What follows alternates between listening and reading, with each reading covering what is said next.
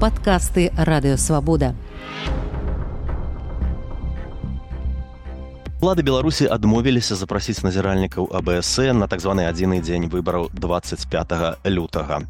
Чаму Лукашенко баіцца назіральнікаў АБС. Пра гэта мы пагутарым у нашай сённяшняй праграме падзеі каментар на канале Свабода прэміум. З вами Алексей Знаткевич.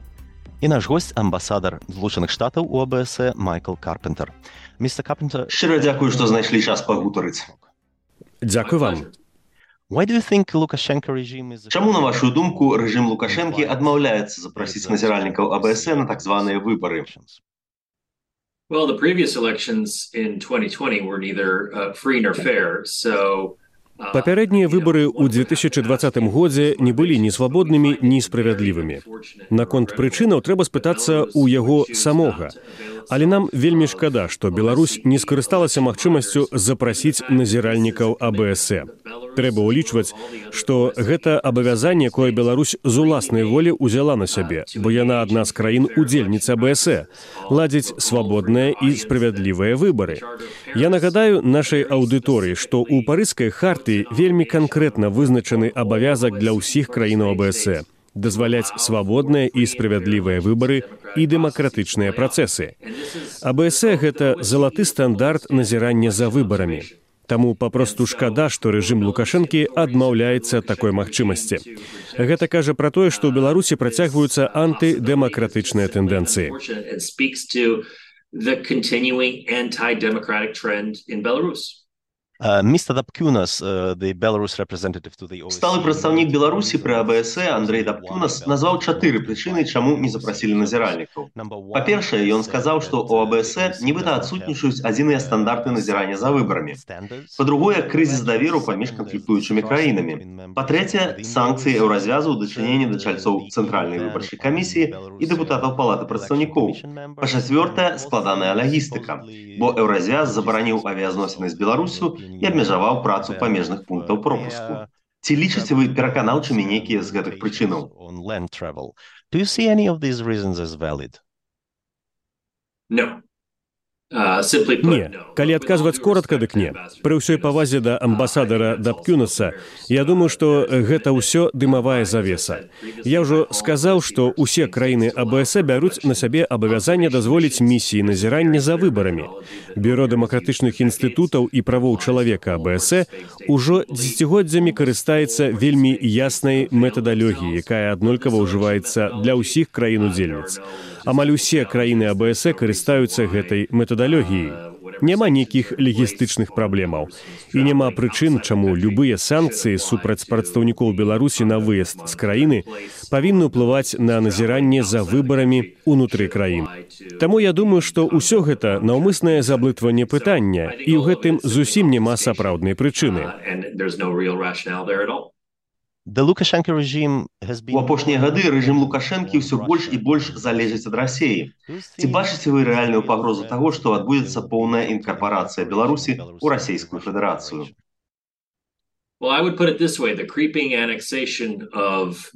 Я б сказаў так. паўзучая анексія беларусі рассеяй у апошнія пару гадоў прасоўваецца вельмі хутка. і гэта толькі пытанне часу калі суверэнітэт і незалежнасць беларусі апынуцца пад сумневам. шкада што так адбываецца. гэта паступовы працэс. можна сказаць што тут выкарыстоўваецца стратэгія калі жабку вараць патроху. Ці параўнаць гэта з тым як па кавалачку па лустачцы адразаюць салямі. Гэтак жа патроху элементы беларускага суверэнітэту інкарпаруюць у расійскі працэс прыняцця рашэнняў. Шкада, бо Беларусь мае доўгую гісторыю як суверэнны суб'ект, доўгую і вартую гонару культурную гісторыю. Народ Беларусі надзвычай пакутаваў падчас другой сусветнай вайны. Беларусы намагаюцца аднавіць сваю мову, сваю ідэнтычнасць, суверэнітэт, незалежнасць і сумна назіраць, як шматвектарная палітыка мінулага цяпер па сутнасці ператварылася ў аднавектарную. І гэты вектар падтрымка рассеі, як я ўжо сказаў паўзучая анексія.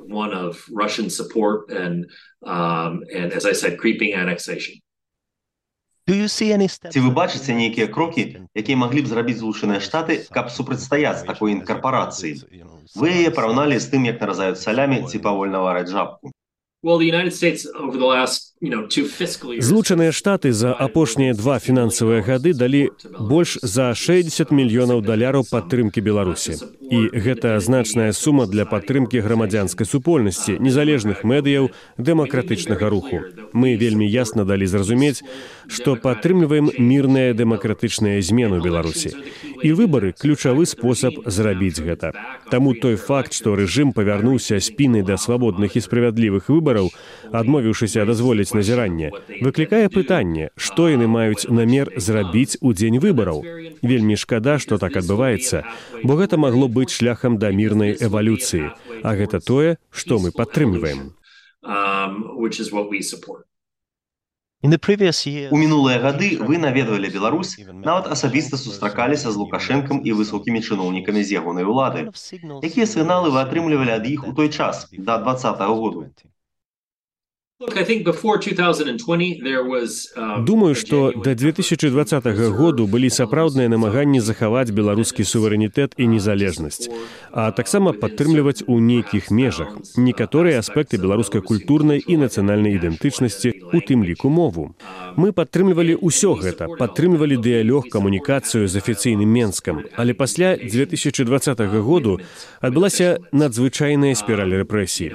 Гэта выйшла з-пад кантролю з такім мноствам колькасцам палітычных вязняў. На душу насельніцтва ў Беларусі цяпер больш палітвязняў, чым у любой іншай краіне свету. Цяпер іх у турме прыблізна паўтары тысячы. І яны там толькі за тое, што падтрымлівалі дэмакратычныя працэсы ў Беларусі. Гэта варта шкадавання.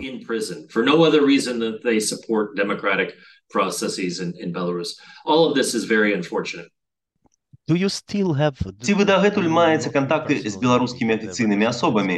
Я маю на увазе не абавязкова асабіста вас, але агулам прадстаўнікоў ураду ЗША. І як улады Беларусі глядзяць на гэтую пагрозу інкарпорацыі ў рассею? Ці спрабуюць яны наладзіць нейкія кантакты з захадам і неяк аднавіць тую шматвектарную палітыку?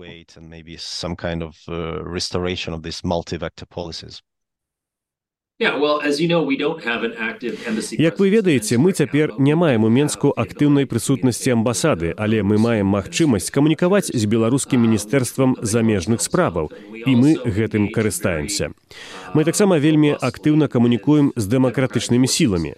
Вы напэўна ведаеце, што нядаўна мы арганізоўвалі стратэгічны дыялог з удзелам святланы ціханаўскай, аб'яднанага пераходнага кабінету, каардынацыйныя рады і іншых структураў дэмакратычных сілаў, якія намагаюцца арганізаваць мірны пераход да дэмакратыі ў Беларусі. Такім чынам мы падтрымваем дыялог як з афіцыйным менскам гэтак і з дэмакратычнымі сіламі, якія бачаць лепшую будучыню для Беларусі. Uh,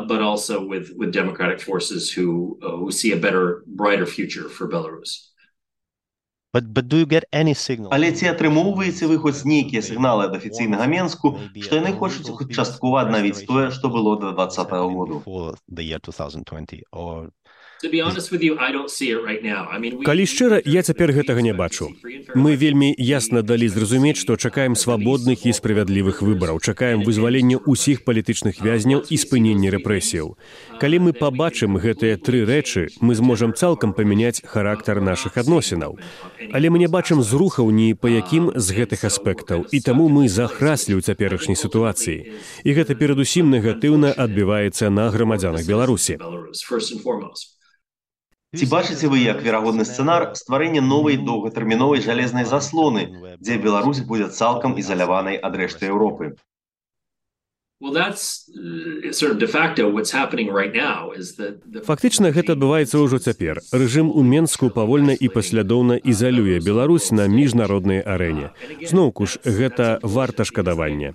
Я не думаю, што беларускі народ, беларускія грамадзяне падтрымліваюць, напрыклад, саўдзелу расійскай вайне супраць Украіны.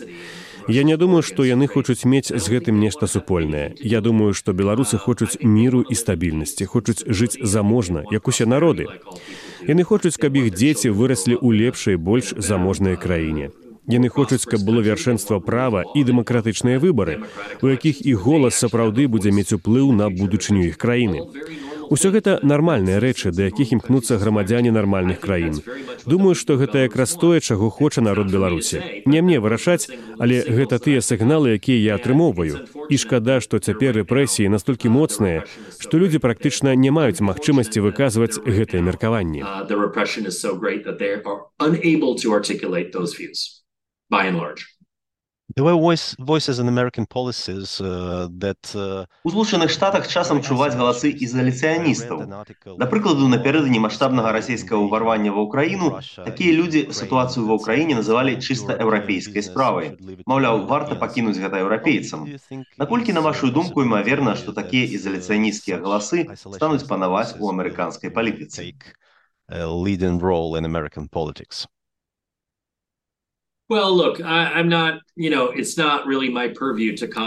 Гэта не зусім мая сфера кампетэнцыі каментаваць амерыканскую палітыку. Вядома ж, у маёй краіне ёсць ізаляцыянісцкія галасы.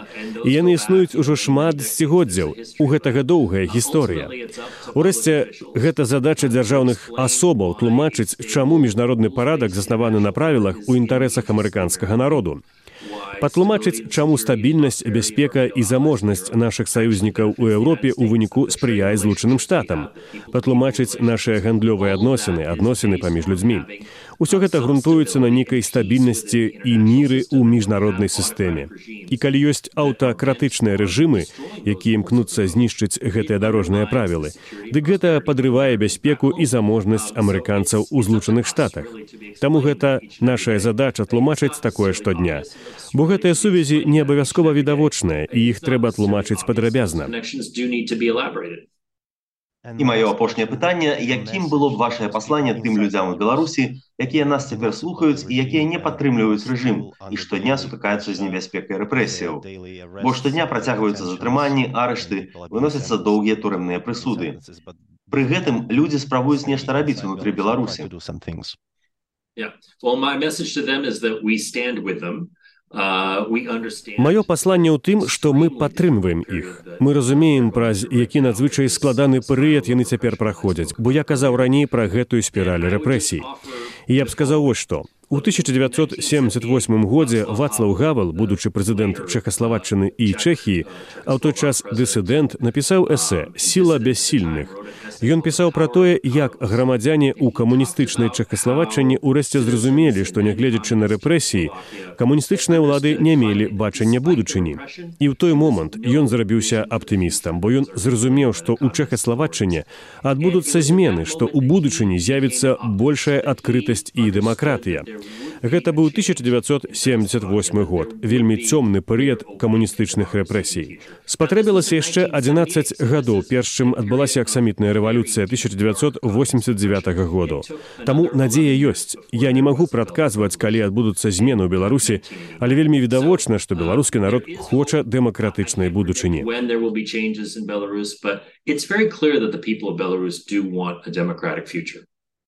Шчыра дзякую, што знайшлі час пагутарыць. Няма за што. Я нагадаю з намі на сувязі быў амбасадар злучаных штатаў арганізацыі бяспекі і супрацоўніцтва ў Еўропе майкл карпентер. З вами быў алексей знаткевич. Не губляйся свабоды вы слухали подкаст радыёвабода усе падкасты свабоды ў інтэрнэце на адрасе свабода кропка орг. Штодня у любы час у любым месцы калі зручна вам свабода кропка орг. Ваша свабода